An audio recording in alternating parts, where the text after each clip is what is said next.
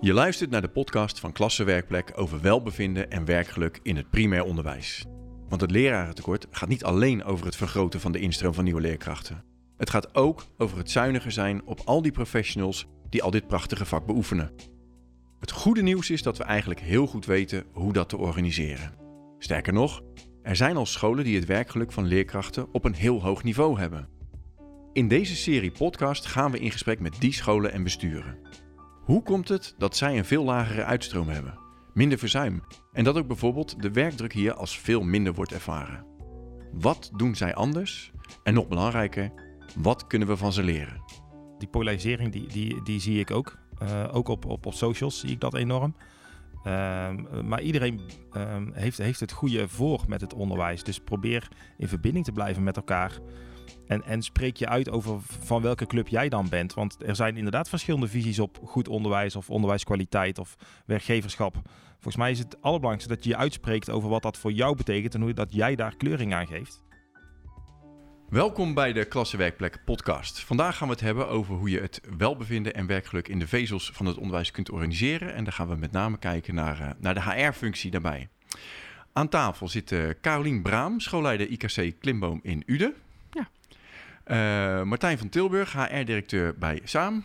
Directeur personeel, onderwijs en kwaliteit bij SAAM. Directeur personeel, onderwijs en kwaliteit bij SAAM. Welkom. Dank je.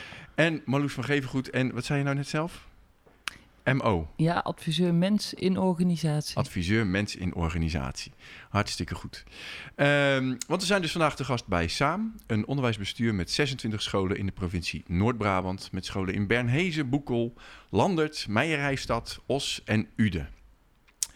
En we gaan meteen met de deur in huis vallen. Uh, Martijn, SAAM heeft ervoor gekozen om de klassenwerkplekrapportages een belangrijke rol te geven in de manier waarop jullie naar de scholen kijken. Hoe ziet dat er precies uit? Kun je daar iets over vertellen? Nou, om te beginnen wil ik even zeggen dat het echt een hele goede keuze is geweest dat we daar uh, zijn gaan doen. Daar ben ik echt heel erg blij mee. En dat was in het begin best nog heel even spannend. Van, gaat iedereen dat ook willen doen? En we hebben ze nu en dan ook een klein zetje moeten geven. Maar nu hebben we ze. En het is echt heel fijn om vanuit eigenlijk een soort van gezamenlijk referentiekader het gesprek te kunnen openen. Dus ik vind het heel krachtig dat we dit met alle scholen van samen doen. Oké. Okay. Ja. Oké, okay. uh, Carolien, hoe heb jij dat ervaren dat dat ineens uh, op jou afkwam? Of ik weet niet hoe dat gegaan is. Um, nou, ik was er heel blij mee dat dat, uh, want afgelopen jaar hebben wij ook meegedaan. En dit jaar hebben we dat als collectief met samen gedaan.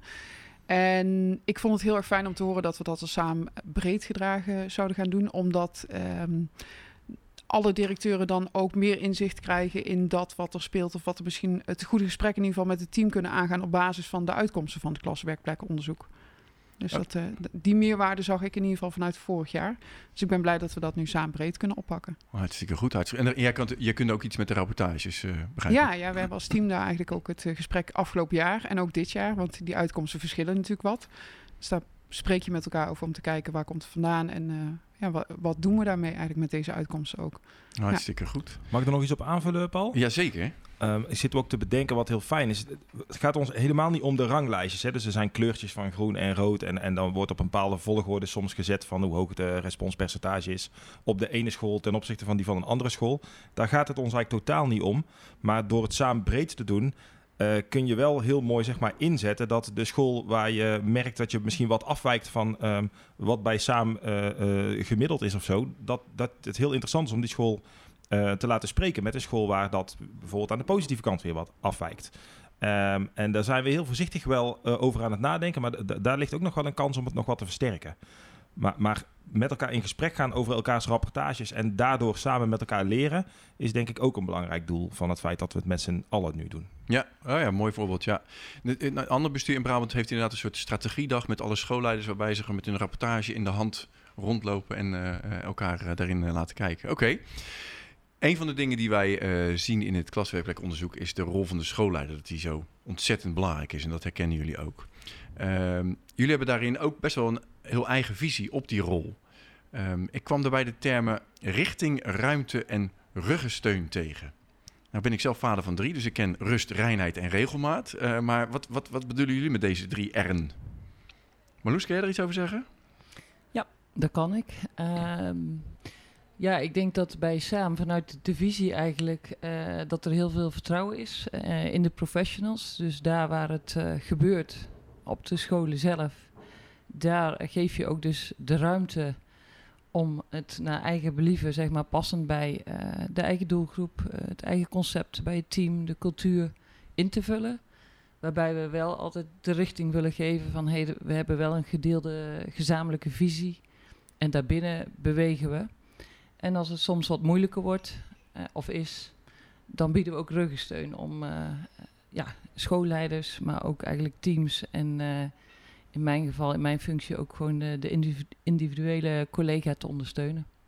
Oh, oké. Die snappen. Dat, in het gesprek met uh, Edith van Montfort kwam ook die autonomie die zo belangrijk is. Uh, eigenlijk binnen alle geledingen van de school uh, weer naar binnen. ja, jij bent natuurlijk het mooie voorbeeld. Herken jij dit, Carolien? Ja, en ik heb vorig jaar ook aangegeven dat daar waar ik dat naar mijn collega's wil bieden... Ehm, merk ik ook dat vanuit de visie van Saam ik dat ook kan halen vanuit de kantoorcollega's. Um, en niet alleen kantoor, maar dan ook nog eens een keer clusterbreed of saambreed. Uh, daar ervaren we eigenlijk die ruimte om te gaan daar wat passend is voor jouw school. Um, en de steun op het moment dat het misschien pittig is of je ergens hulp bij nodig hebt of, of juist iets moois wil delen met elkaar. Dat, ja, dus ik herken dat ook naar mijn eigen collega's, maar ook op saamniveau. Ja. ja.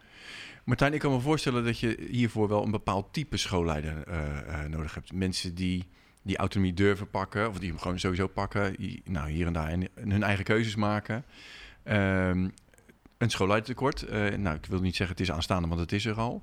Hoe zorgen jullie dat jullie aan de goede schoolleiders blijven komen die, nou, die, dit, die dit snappen, die dit kunnen beleven? Ja, um, opleiden. Maar, maar, ik denk dat het om te beginnen gaat uh, over het feit dat je als organisatie ergens voor staat.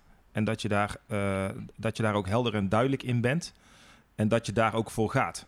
Uh, want daarmee um, um, zijn potentiële collega's ook, weten ze ook waar ze, waar ze voor gaan kiezen. Dus, dus een, een, een organisatie met een strategisch beleidsplan van 75 pagina's. Ik ben er heilig van overtuigd dat uh, het voor uh, potentiële nieuwe collega's heel ingewikkeld is om te bedenken van goh, waar ga ik dan nu precies op aan bij zo'n organisatie? Onze strategische uitgangspunten zijn totaal geen rocket science. Het zijn zelfs misschien best wel, je zou het kunnen interpreteren als open deuren. Iedereen is welkom op onze scholen. Samen zijn we verantwoordelijk voor kansen voor alle kinderen. Die zinnen ga je in heel veel strategische uh, beleidstukken van, van organisaties teruglezen. Maar de manier waarop je er werk van maakt, de manier waarop je daar ook als leider voor gaat en voor staat, dat maakt nou juist het verschil, dat het gaat leven. Dus ik denk dat, dat antwoord 1 zou moeten zijn: uh, ben heel erg helder over waar je voor gaat en waar je voor staat. En antwoord 2 is waar ik eigenlijk mee begon net. Dat is het stukje opleiden eigenlijk. Dus wat we altijd doen is ervoor zorgen dat we in company on onze talenten de kans bieden om, um, om door te groeien in het leiderschap.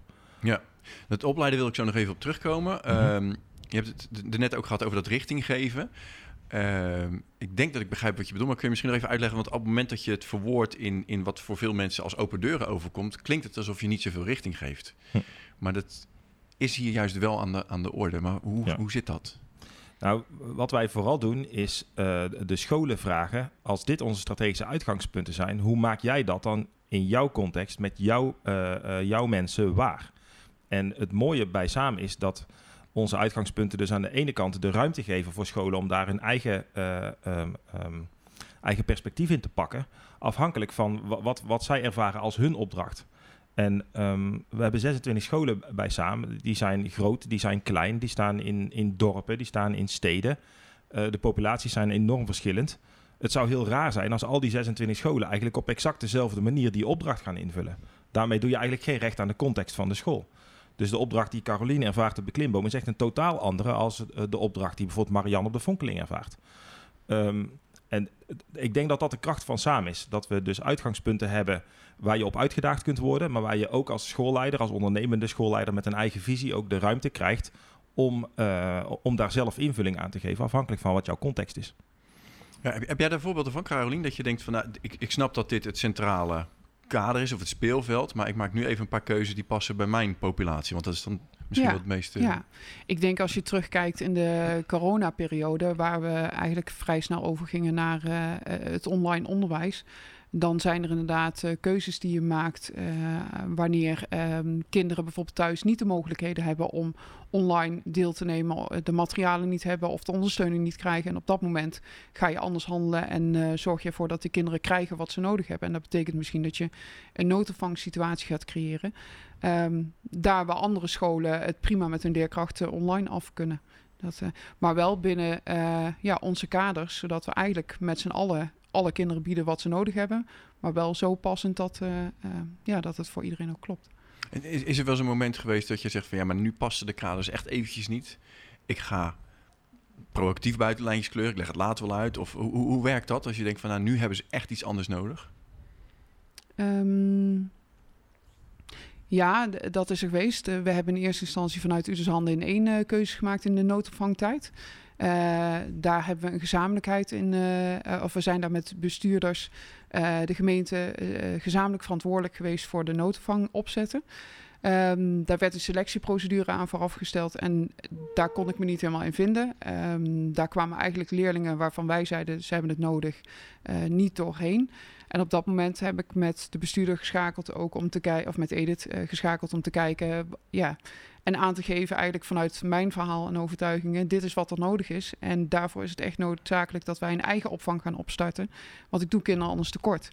Um, en daar heb ik op dat moment ook steun aan uh, ja, van gekregen, om dat in ieder geval op die manier op te zetten. En ook dat um, te verklaren naar andere partijen. Want op het moment dat je zo'n keuze maakt, moet je het denk ik vooral heel goed kunnen uitleggen naar uh, de partners met wie je samenwerkt, naar ouders toe um, en naar collega's intern. Ja. ja, als het maar goed kan ja. uitleggen. Ja. Nou, nou heeft Edith hier zitten uitleggen in een andere editie dat ze een heel sturende leider is. Dus nu ben ik heel benieuwd hoe zo'n gesprek dan plaatsvindt eigenlijk. Is dat knokkend en rollend over de vloer, kijken wie er het sterk naar buiten komt? Of hoe? Nee. Nee. nee. nee. Um, ik denk dat Edith, en dat is wat uh, Marloes net ook al aangaf, dat er enorm veel vertrouwen is. Dus dat er enorm veel vertrouwen is in mijn collega's en mijzelf. Dat wij zien wat de kinderen nodig hebben, hoe ze in de ontwikkeling moeten brengen. En dat we daar eigenlijk steun op ervaren. En dat, nou, dat kan ik prima uitleggen naar Edith dan. Ja. ja en dan is dat vertrouwen er. Dat woord ja. valt sowieso heel veel binnen samen.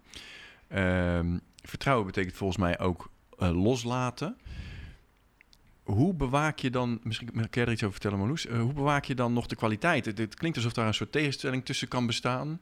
volgens mij ervaren jullie het helemaal niet zo. Nee, ik kan uh, vanuit mijn rol iets minder goed iets zeggen over de onderwijskwaliteit. Maar uh, ik kan wel iets zeggen vanuit het werkgeverschap.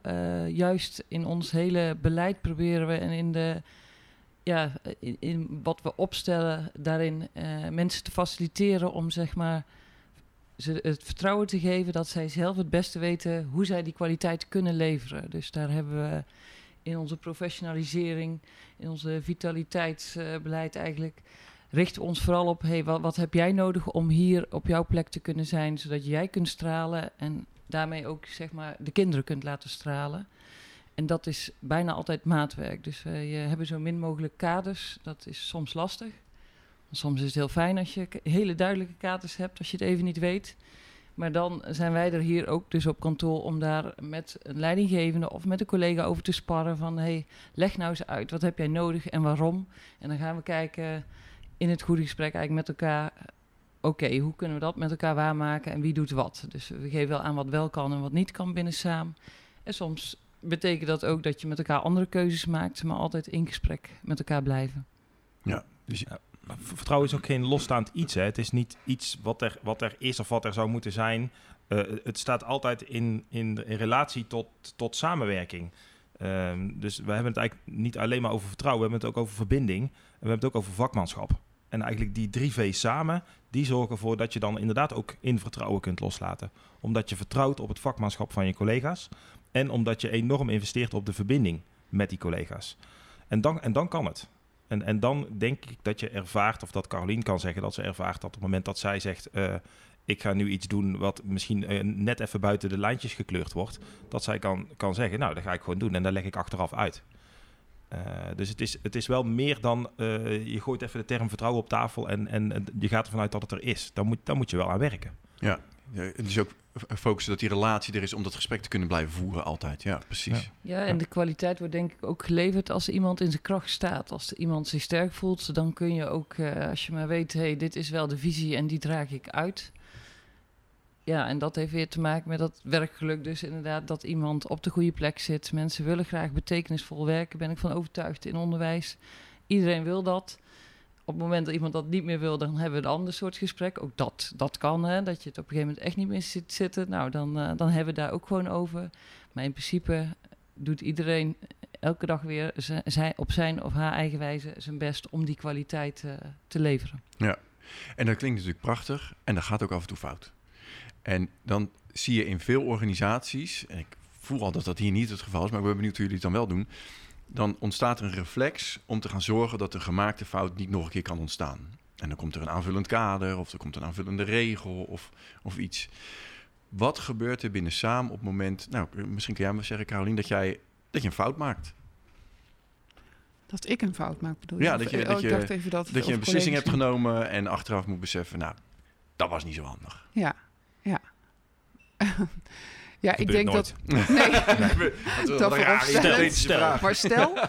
Nee, ik denk dat... eh, en ja, da- dan refereer ik toch wel weer aan dat stukje vertrouwen. Dat we vooral ook het goede gesprek met elkaar erover voeren. Want ik denk dat we allemaal menselijk zijn. En dat we dus inderdaad ook fouten maken. En dat... eh, eh, ja, dat is misschien dan ook onnodig. Dat we volgens mij allemaal daarvan willen leren ook. En niet per se dat je het de volgende keer anders zou doen, maar dat je misschien anders over na zou denken. Want het wil niet zeggen dat je misschien toch een keuze toch in die richting maakt, maar misschien dat er eerst iets anders nodig is om die keuze op die manier te kunnen maken. Ehm, maar in dit geval denk ik vooral het gesprek met elkaar voeren over dat wat er is gebeurd, wat voor een effect het heeft en hoe het anders had kunnen gaan en wat de opties zijn voor een volgende keer als je voor een dilemma of een, eh, een beslissing staat. Je, zei iets heel in- interessants eigenlijk. Het klinkt alsof je zegt, we gaan niet eh, proberen het handelen de volgende keer te beïnvloeden, maar eh, de besluitvorming richting het handelen te beïnvloeden. Dus we nemen de ervaring mee. Ja, En, en oké, En is dat op een of andere manier te borgen in de organisatie? Hoe kun je dat... Ehm, borgen, ja, daar kijk ik toch ook even naar mijn tuin. Maar ik, voor mij is het bijvoorbeeld, eh, als ik dan terugdenk aan voorbeelden, is het heel fijn als je daarover kunt sparren met iemand en daar eh, feedback op kunt krijgen vanuit iemand vanuit kantoor bijvoorbeeld, eh, bij keuzes die of afwegingen die je maakt. Ja, en dan voor mij is dat meer, ik weet de volgende keer wel dat ik eh, even aan de bel trek van, hey, kun je nog even meedenken? We hebben toen daar ook over gesproken met elkaar. Ik sta nu voor eenzelfde soort dilemma of, of ik denk daaraan terug. Dus het zit meer in de relatie dan of de ervaring met de persoon. En niet zozeer in een borging voor mijzelf, maar meer in het eh, Volgens mij de proces. overtuiging dat je glansrijk fouten kunt maken. Ja. En, en dat, Stralend falen. Ja, stralend falen, ja. En, en dat je um, uh, dat, dat fouten maken leren is. Dat je leert door uh, fouten te maken. En dan hebben we denk ik het geluk dat we in een onderwijsorganisatie uh, werken. Dus de, de, de verbinding met wat gunnen we eigenlijk onze kinderen in de klas is heel snel gemaakt. Ja. We, we, we willen dat onze kinderen fouten maken en daarvan mogen leren. Dat is namelijk hun ontwikkeling. En uh, waarom zou dat voor ons als, als volwassenen of als professionals dan anders zijn? Ja. En zo zitten er heel vaak verbindingen in. Wat je eigenlijk kinderen gunt, gun je je collega's ook. Uh, dus inderdaad, borgen in, in de zin van systemische aanpassingen, daar ben ik totaal niet van. Maar uh, reflecteren op wat is nou eigenlijk misgegaan en wat zouden we dan de volgende keer anders kunnen doen, is altijd interessant. Maar dan zit je altijd op het proces en, en niet per se meteen op de uitkomst. Nee, en ik denk ook niet dat we het zo als fout bestempelen dan. Dat het ook echt leermomenten zijn. Ik kan me hier, uh, ik werk hier nu vier jaar, ik kan me ook niet herinneren dat we ooit zo keihard dat zwart-wit iets bestempelen als fout. Maar gewoon zeggen, hé, hey, dit was niet zo handig. En het gewoon erkennen en het erover hebben van, oké, en hoe... Uh, ja, hoe, hoe, hoe doen we dat een andere keer anders? Of hoe gaan we het nu uh, met elkaar weer dat goede gesprek voeren om het op te lossen? En ja. Wat ik wel begrijp eigenlijk is dat er zit dus een zelf, soort zelfreflecterend vermogen in, wat, wat jij zelf al meeneemt, waardoor je de discussie aan gaat, uh, gaat kaarten met ondersteuning van uh, het kantoor hier. Um, je had het over opleiden van schoolleiders. Jullie zijn wel op zoek naar een bepaald type, denk ik dan.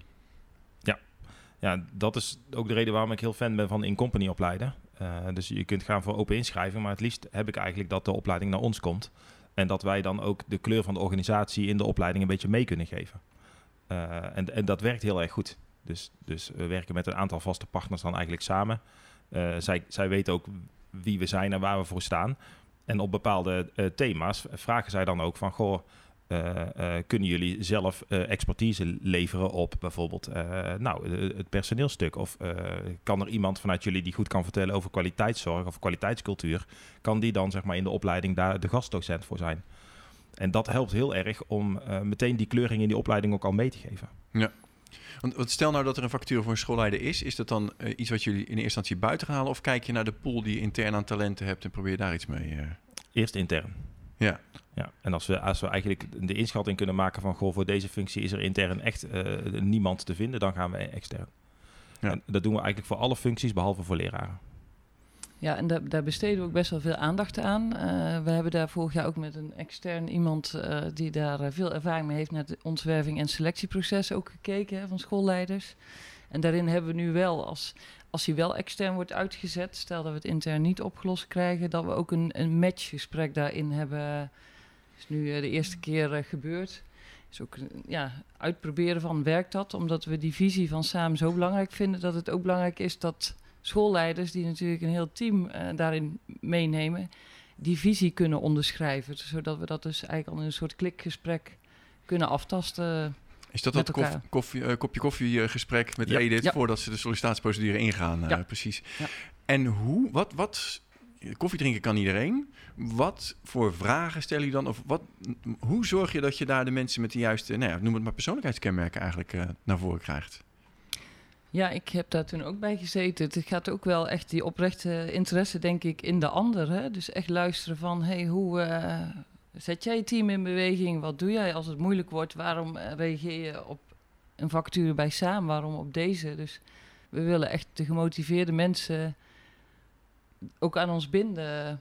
Ja. Dat je ook wel weet van, hey, die- die kiezen, die hebben zich ingelezen, die, die, die weten waar ze voor gaan. Omdat we ook best wel wat vragen, denk ik, in dat opzicht. Dus dat vraagt ook een bepaald type persoon die dat ook leuk vindt, dat hij niet al te veel kaders krijgt en eh, die autonomie wil pakken en kan pakken en, en wil leren ook met het team. Ja. We hadden laatst een gesprek met een bestuurder, Jacqueline van Erp. eh, die vertelde dat ze altijd vraagt: wat is jouw voorbeeld qua leiderschap? Wie heb je dan in gedachten? En wat is het wat je in die persoon zo bewondert? En de dingen die dan genoemd worden, zeggen vaak iets over wat de persoon zelf ook belangrijk vindt. Dus dan hebben we het weggegeven aan de sollicitanten. Dat is, eh, maar goed, maakt niet uit. D- rondom die structuur en alles, er is zoiets als een schoolleiderregister, er is zoiets als een normjaartaak. Eh, ik weet dat daar beelden over beleven zijn hier. Wie wil daar iets over vertellen? Ik denk dat dat best een... eh, Ik, ik, ik, Vertel. Eh, eh, het schoolleidersregister, da- daar kunnen we denk ik duidelijk over zijn. Eh, we geloven eigenlijk niet in een door ehm, de organisatie opgelegde manier van registreren van professionaliseringsuren. Het past niet bij het idee dat je vertrouwen hebt in je collega's. Dus ik vertrouw erop dat, dat ehm, Carolien de dingen doet die voor haar leiderschap nodig zijn om ervoor te zorgen dat ze zich door kan ontwikkelen. Of dat zij als leider van de klimboom de juiste skills of vaardigheden verder ontwikkelt. Eh, dat, hoeft, dat hoeft niet opgelegd te worden door iemand van het bestuur of van het kantoor. En het hoeft zeker niet geregistreerd te worden in een extern register. Ik snap de gedachtegang erachter wel. Die gaat over, je zou eigenlijk graag willen borgen dat de leiders eh, op, op de scholen in Nederland eh, ehm, professionalisering of professionaliteit serieus nemen. Daar ben ik het heel erg mee eens. Maar dan kom je weer terug op vertrouwen. Wij vertrouwen erop dat ze dat ook wel doen zonder dat dat geregistreerd moet worden. Dus dat, dat, dat, dat stukje, daar geloven we gewoon niet in. En dat is ook zo, eigenlijk precies hetzelfde met de norm jaartaak. Dus ja, er is inderdaad een jaartaak. Je wordt betaald voor een bepaald aantal uren werk. Ehm, maar steeds meer gelukkig eh, wordt, wordt de autonomie daarvoor in de teams belegd. Het is niet meer zo dat een directeur zegt: jij moet dit doen en daarna moet je dat doen en zoveel uren voor zus en zoveel uren voor zo. Eh, in, in, de, in de ideeën over bijvoorbeeld het maken van een werkverdelingsplan, maak je daar gewoon bespreekbaar met je team. En maak je samen de keuzes die, eh, die nodig zijn voor jouw school om de goede dingen te doen. En daarbij maak je gebruik van elkaars talenten. Dus als de ene zegt van ik ben, eh, ik ben keigoed in doorontwikkeling van onze rapportage voor kinderen. Nou, kei mooi, dan, dan ga jij dat doen. Dan doet een andere collega iets anders. Dat moet je niet allemaal vast willen leggen tot op de laatste cijfers achter de komma. Dat moet je gewoon samen doen. Ook weer in het vertrouwen dat je samen een klus te klaar hebt en dat je er samen gewoon voor gaat. Mooi, ja. En volgens mij werkt dat ook zo als het gaat om ontwikkelmogelijkheden eh, van leerkrachten, van schoolleiders. Ja. Eh, op dat thema scoren jullie sowieso eh, hoog. ehm, ik heb er nog eens even van buiten naar zitten kijken. En het lijkt wel alsof jullie veel meer geld uitgeven aan ontwikkeling van leerkrachten in scholen dan andere bestuur. Ik weet niet of dat zo is, maar zo ziet het eruit. Um, kun je iets vertellen over hoe jij omgaat met de ontwikkelbehoeften van, jou, van jouw onderwijsteam? Ja, ik denk dat uh, als ik kijk naar mijn collega's, dan hebben ze behoorlijk in beeld ook met elkaar. En dat is ook wel door de goede gesprekken en analyses die we jaarlijks maken en hebben. Um, waar we naartoe willen met elkaar. Dus die focus is er. En zij zien eigenlijk in de praktijk, en daar voeren we vooral het gesprek over wat er nodig is om verder te komen daarin. En daarin hebben zij in de vaste contracterings- en beoordelingsgesprekken de mogelijkheid om met mij te spreken over um, ja, wensen daarin. En het mooie vind ik wel, als ik terugkijk naar die gesprekken, dan, dan hoor je eigenlijk automatisch, daar hoef ik eigenlijk niet eens aan uh, te refereren, maar um, de koppeling met de doelen zoals wij ze op school hebben. Datgene waar we mee bezig zijn, naast de schoolontwikkeling, ja, daar willen zij verder in om uh, kinderen verder te helpen in die ontwikkeling. En dat, ja, dat maakt dat ze hele bewuste keuzes maken in, uh, in opleidingen, cursussen. En fijn ook dat we in Company het een en ander in aanbod hebben. Dat, het klinkt alsof je zegt van als je, de, als je die intrinsieke motivatie die leerkrachten he heeft, als ja. je die de ruimte geeft, dan, dan wordt die steeds prominenter en dan hoef je hem alleen maar te ondersteunen en dan gaat die groei ontstaan, ja. inderdaad. Ja. ja. De, en um, dat, dat zouden we verpleiten dat geen enkele school meer een soort van controlerend mechanisme uh, zou moeten hebben. Hoe, hoe, kijk jij aan tegen het, de, de grote uitstroom van leerkrachten uit deze sector?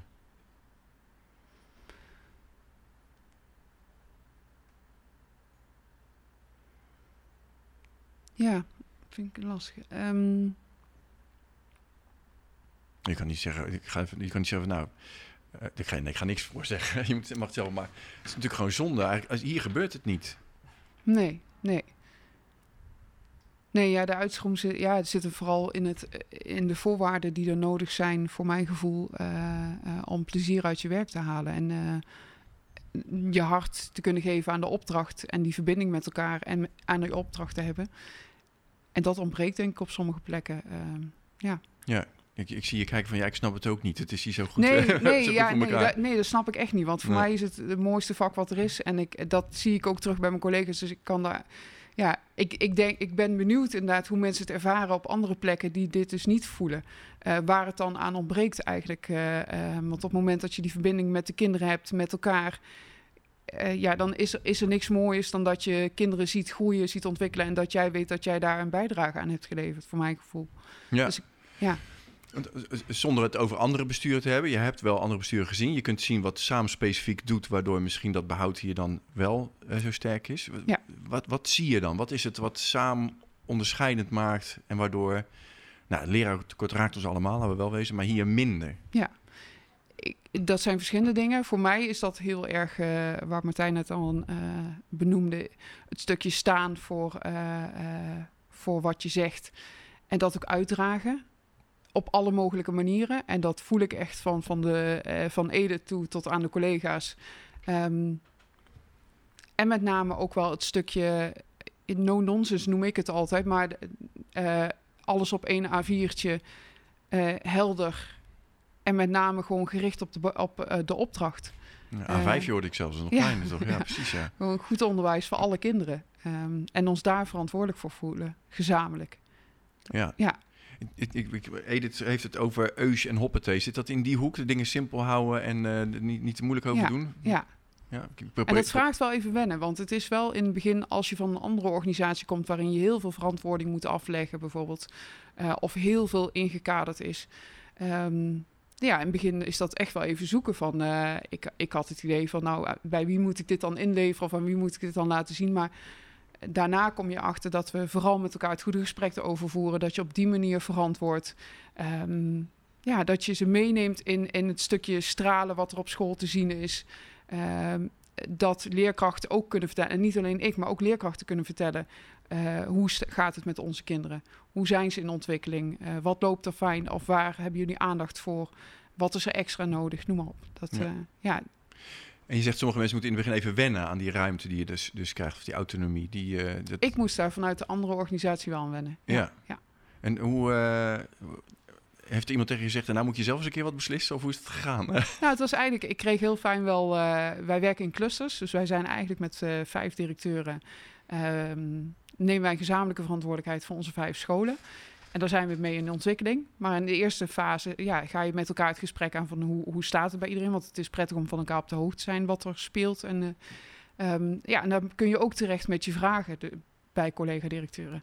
Dus daar stelde ik ook de vraag van ja, wanneer komt dat dan? Of uh, wanneer moeten we dat dan inleveren? Of uh, ja, waar moet ik dat zichtbaar maken? Maar daar word je in meegenomen. Dus dat is dan ook wel samen, vind ik, dat gevoel.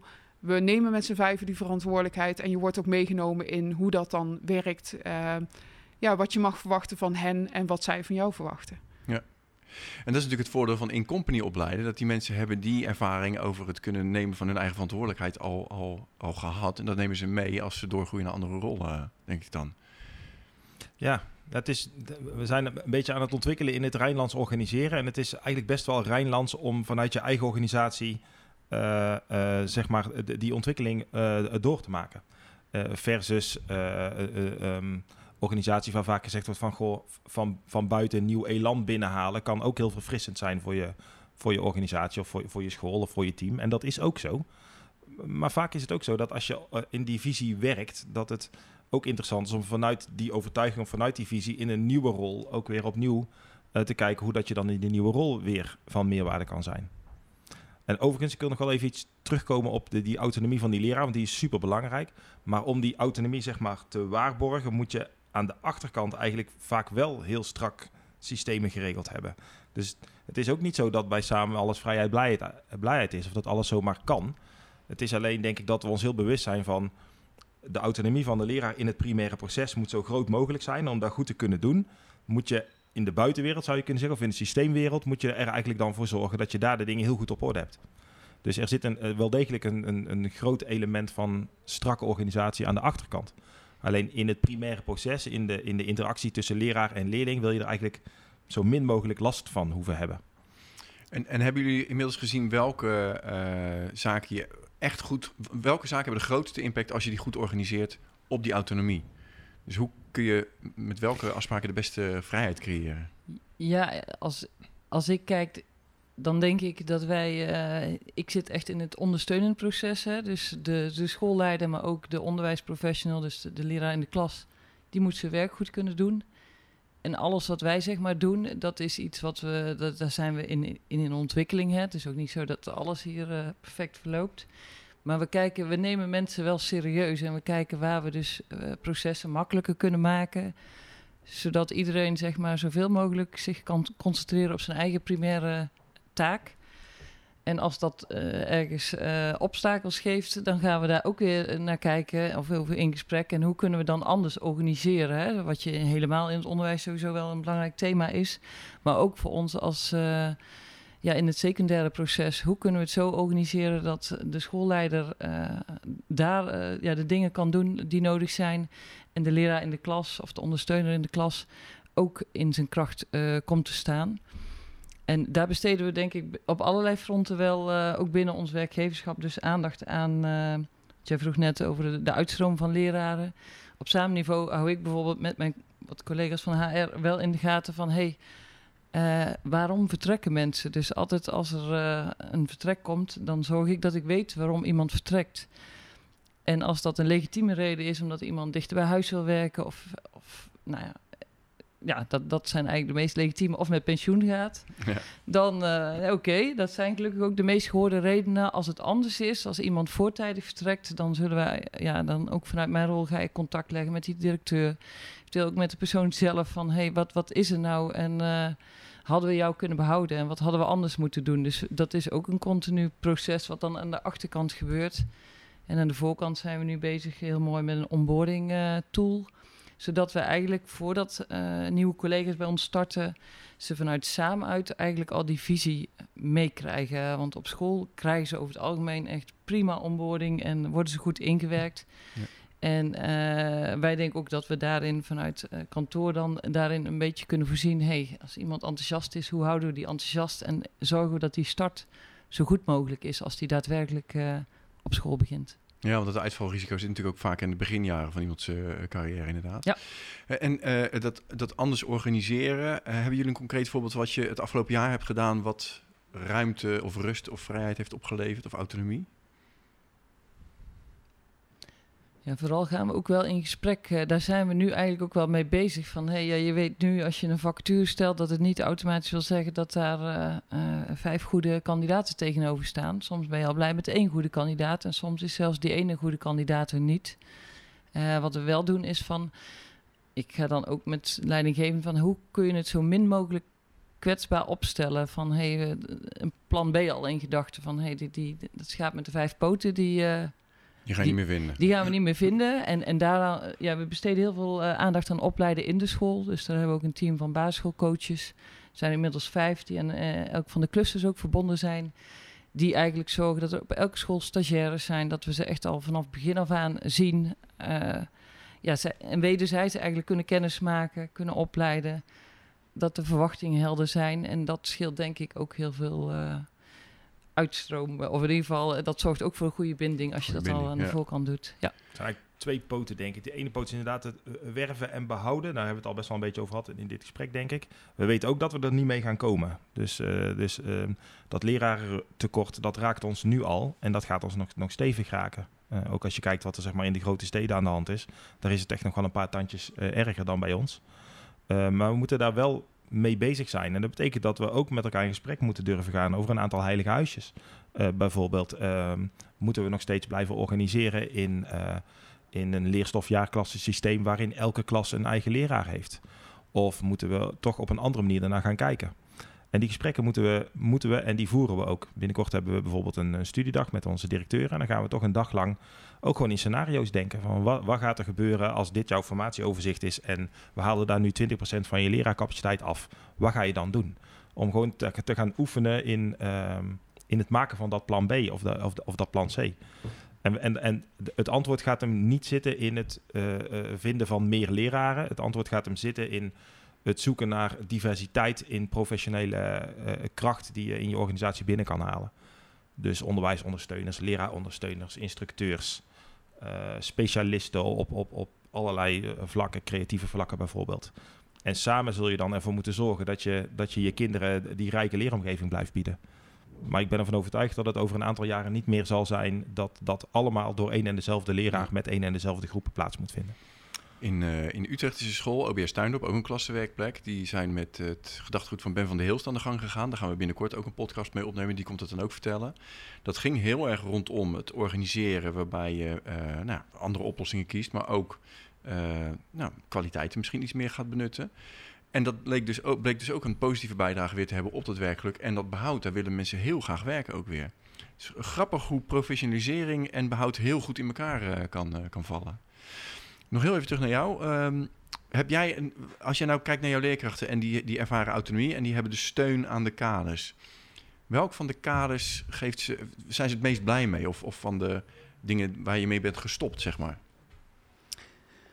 Um, ik denk dat dat vooral zit in het stuk um, keuzes mogen maken.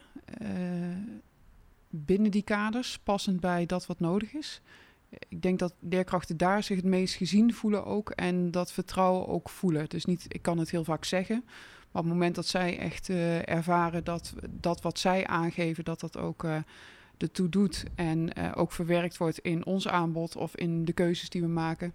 Op dat moment ja, voelen zij zich denk ik gezien en gehoord. En, en zo werkt het volgens mij ook bij het kinderen. Dus dat, ja, dat zien we ook bij de collega's terug. En wat me nou zo lastig lijkt, um, als je veel vertrouwen hebt, dan jullie hebben meer ervaring in uh, bepaalde onderwerpen waar je over in gesprek gaat met leerkrachten. Dus soms kan een leerkracht iets zeggen waarvan je denkt, nou ja, uh, bin there dan dat, dat zou ik iets anders doen. Maar dan moet je dat dus onderdrukken in het belang van de ontwikkeling van die leerkracht, begrijp ik nu. Um, ja, en ik denk ook dat je ze mee kunt nemen, want in die zin um, is er wederzijds vertrouwen. Dus is er ook wel vertrouwen op het moment dat ik denk, Um, maar hier zouden we toch misschien hier aan moeten denken. Of, uh, want ik heb bijvoorbeeld meerdere collega's gesproken en ben dan ook verantwoordelijk voor het, uh, het overkoepelend beeld, zeg maar, wat er is. Dus ik kan ze ook wat laten zien of ze ergens gaan laten kijken. Ehm, dat zet ik vooral in binnen onze school of extern. En dan kunnen ze ook ervaren van er zijn andere ideeën nog bijvoorbeeld. Ik wil je heel duidelijk zeggen, ik ga ze niet vertellen hoe het moet. Nee, ik wil ze vooral laten ervaren. Want op het moment dat ik ga vertellen hoe het moet, dan denk ik dat het niet werkt. Nee, nee daar geloof ik zelf niet in. Maar we hebben wel hoge verwachtingen. Dus het is ook niet zo dat, dat je dan alles maar inslikt en dan zegt van nou goed, dan ga ik accepteren dat, dat dit het is. Dus ook hier de vergelijking met de kinderen in de klas. Uh, we geloven in de ontwikkeling, uh, uh, maar we hebben wel hoge verwachtingen van kinderen. We hebben ook hoge verwachtingen van onze collega's. Dus dan, dan kom je toch weer terug op het goede gesprek dat je met elkaar voert.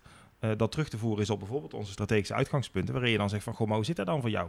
En wat heb jij dan te doen of te leren om daar te komen? En daar heb je het dan met elkaar over. Altijd weer terug naar die kern. Waarom doen we Altijd. dat? zijn onze uitgangspunten. Ja. En, hoe... en hoe verhoud jij je daartoe? Ja. En ik denk dat we daar heel vaak in gesprek naar refereren. Um, op het moment dat je met elkaar in gesprek gaat en uh, is met elkaar een flinke professionele discussie aangaat, of um, inderdaad toch wat richting wil geven, ja, dan refereer je aan die opdracht, die doelen die we stellen. En dan um, ja, er is geen collega die niet wil dat we daar gaan komen, bij wijze van. Dat, uh, want je wilt toch het beste voor dat kind. Maar dan is het dus ook super belangrijk dat iedereen die hier werkt, dat die uitgangspunten ook helemaal doorleeft, zeg maar. Ja. En het wordt natuurlijk, denk ik dan eh, met het aankomende leraar, of nou, leraartekort, schoolleidertekort, um, kun je dat vast blijven houden? Kun je zo kritisch blijven op dat je mensen aanneemt die echt 100% passen bij jouw strategische visie? Uh, ze kunnen daar ook in groeien, denk ik. Hè? Ze hoeven niet 100% te passen. Um, ik, ik, ben hier ook gestart en toen uh, ik kreeg hier ook dat, dat A5 voor me. En dat heeft ook wel echt tijd nodig gehad. Ik heb met Martijn best wel wat gesprekken over gehad. Dat die woorden zeg maar gaan vallen. Dat je denkt, oh ja, nou past het ook zoals ik het zeg maar in mijn werk kan toepassen. En, en, en dat is ook wat we denk ik met onze collega's willen. Voor onze starters, voor onze Leo's, de studenten, de, de ondersteuners. Uh, telkens daar weer op teruggrijpen, dat helpt wel om diezelfde taal. Om in ieder geval te kijken, hey, is dit, zijn wij nog steeds een match? Dat moet je denk ik continu, en dat geldt voor elke professional.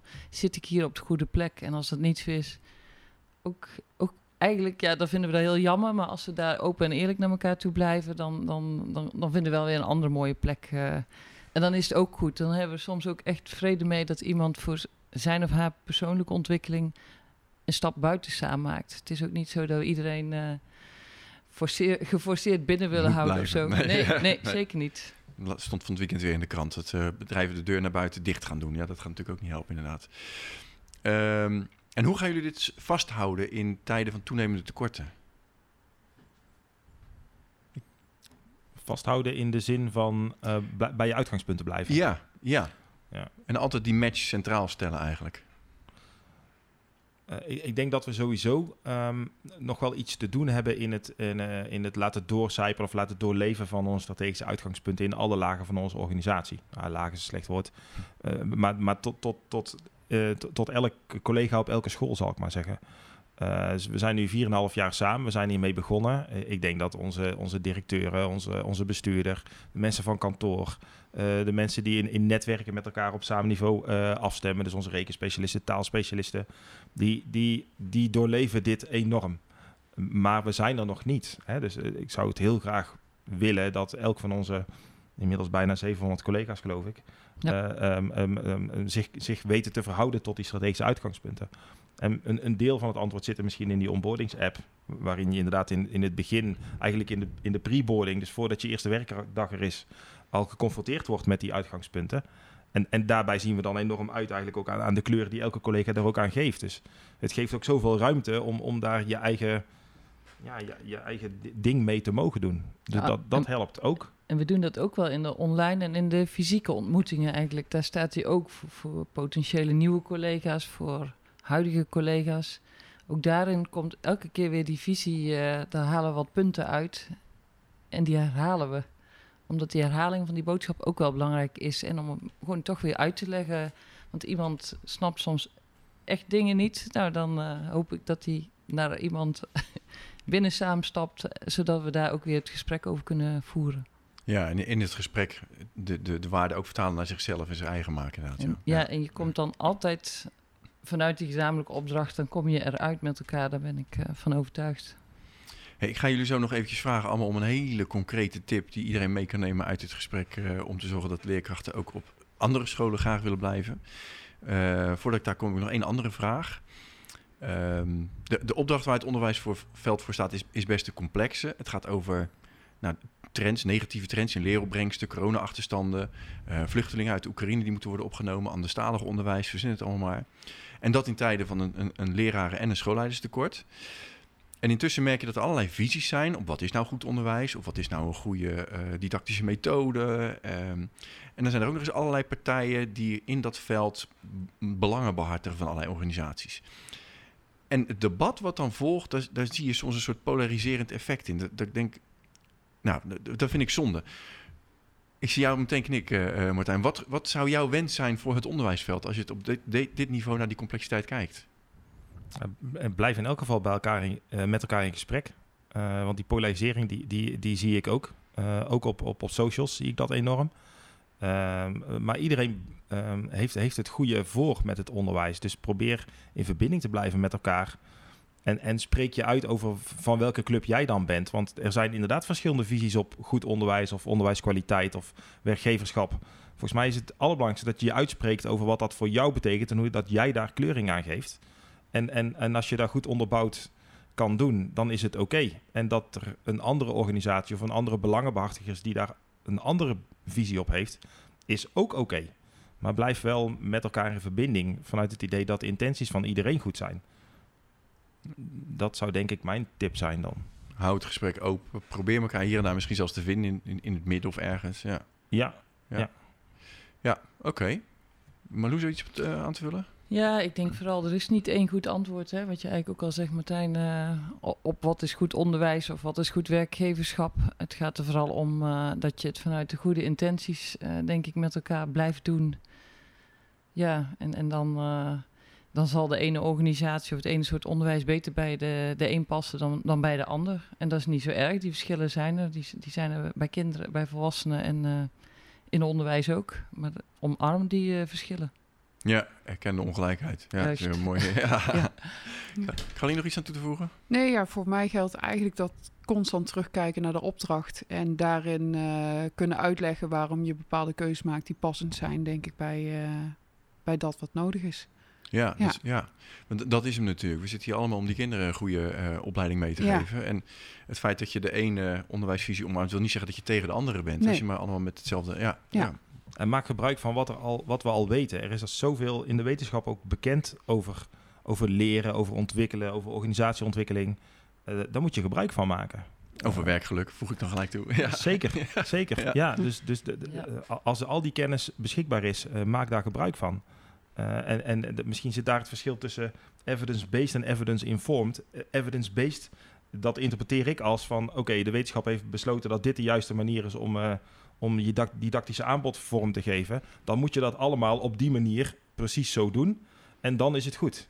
Terwijl als je evidence-informed werkt, dan neem je kennis van die wetenschap en blijf je jezelf wel ook nadenken over wat betekent dat nou, die kennis, voor mijn opdracht in mijn context. En ik denk dat dat heel belangrijk is. Ja.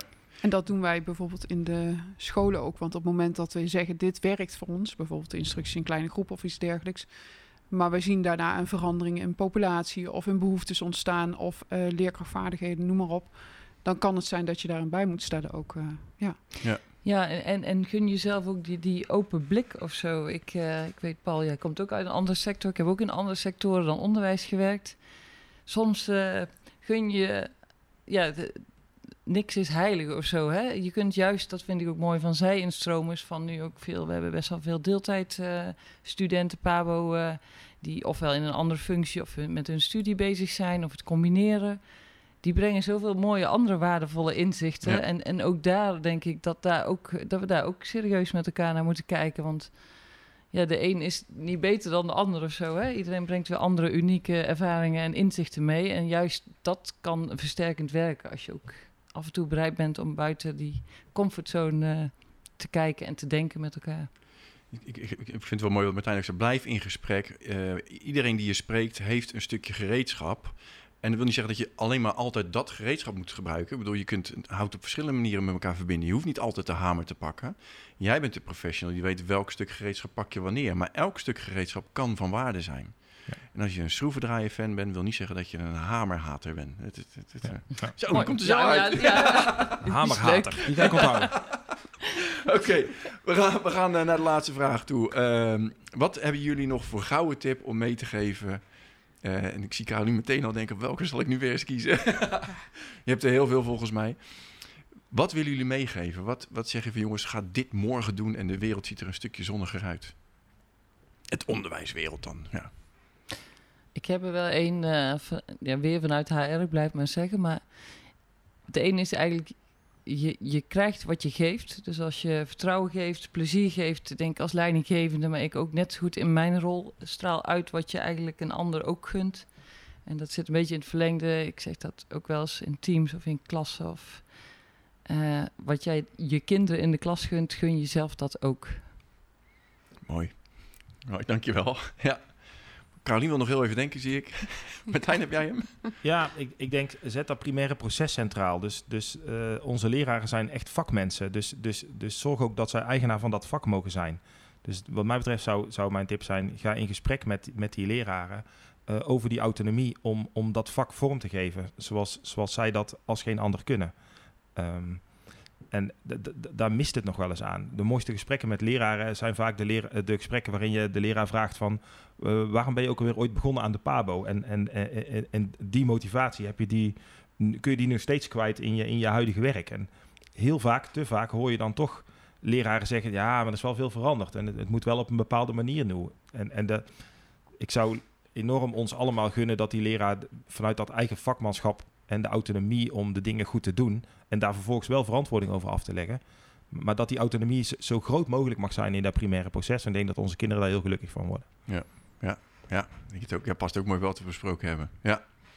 Caroline, kom ik bij jou. Ja, ik denk vooral eh, naar schoolleiders toe ook dat het heel fijn is op het moment dat je met je team eh, richting eh, echt gaat focussen en keuzes durft te maken in dat wat je wel doet, niet doet en daar je team in meeneemt ook en eh, eigenlijk met elkaar eh, volledig voor ja, die opdracht omarmt en, en daarvoor gaat en soms dus ook nee moet zeggen eh, en dingen niet moet doen, moet laten. Richting ruimte, ruggensteun. Ja. Daar hebben we hem weer. Prachtig mooi. Mooi samengevat. Eh, ik wil jullie ontzettend bedanken voor, eh, voor dit gesprek vandaag. En eh hou het vol. Tot goede werk. Ja. Dankjewel. Graag gedaan.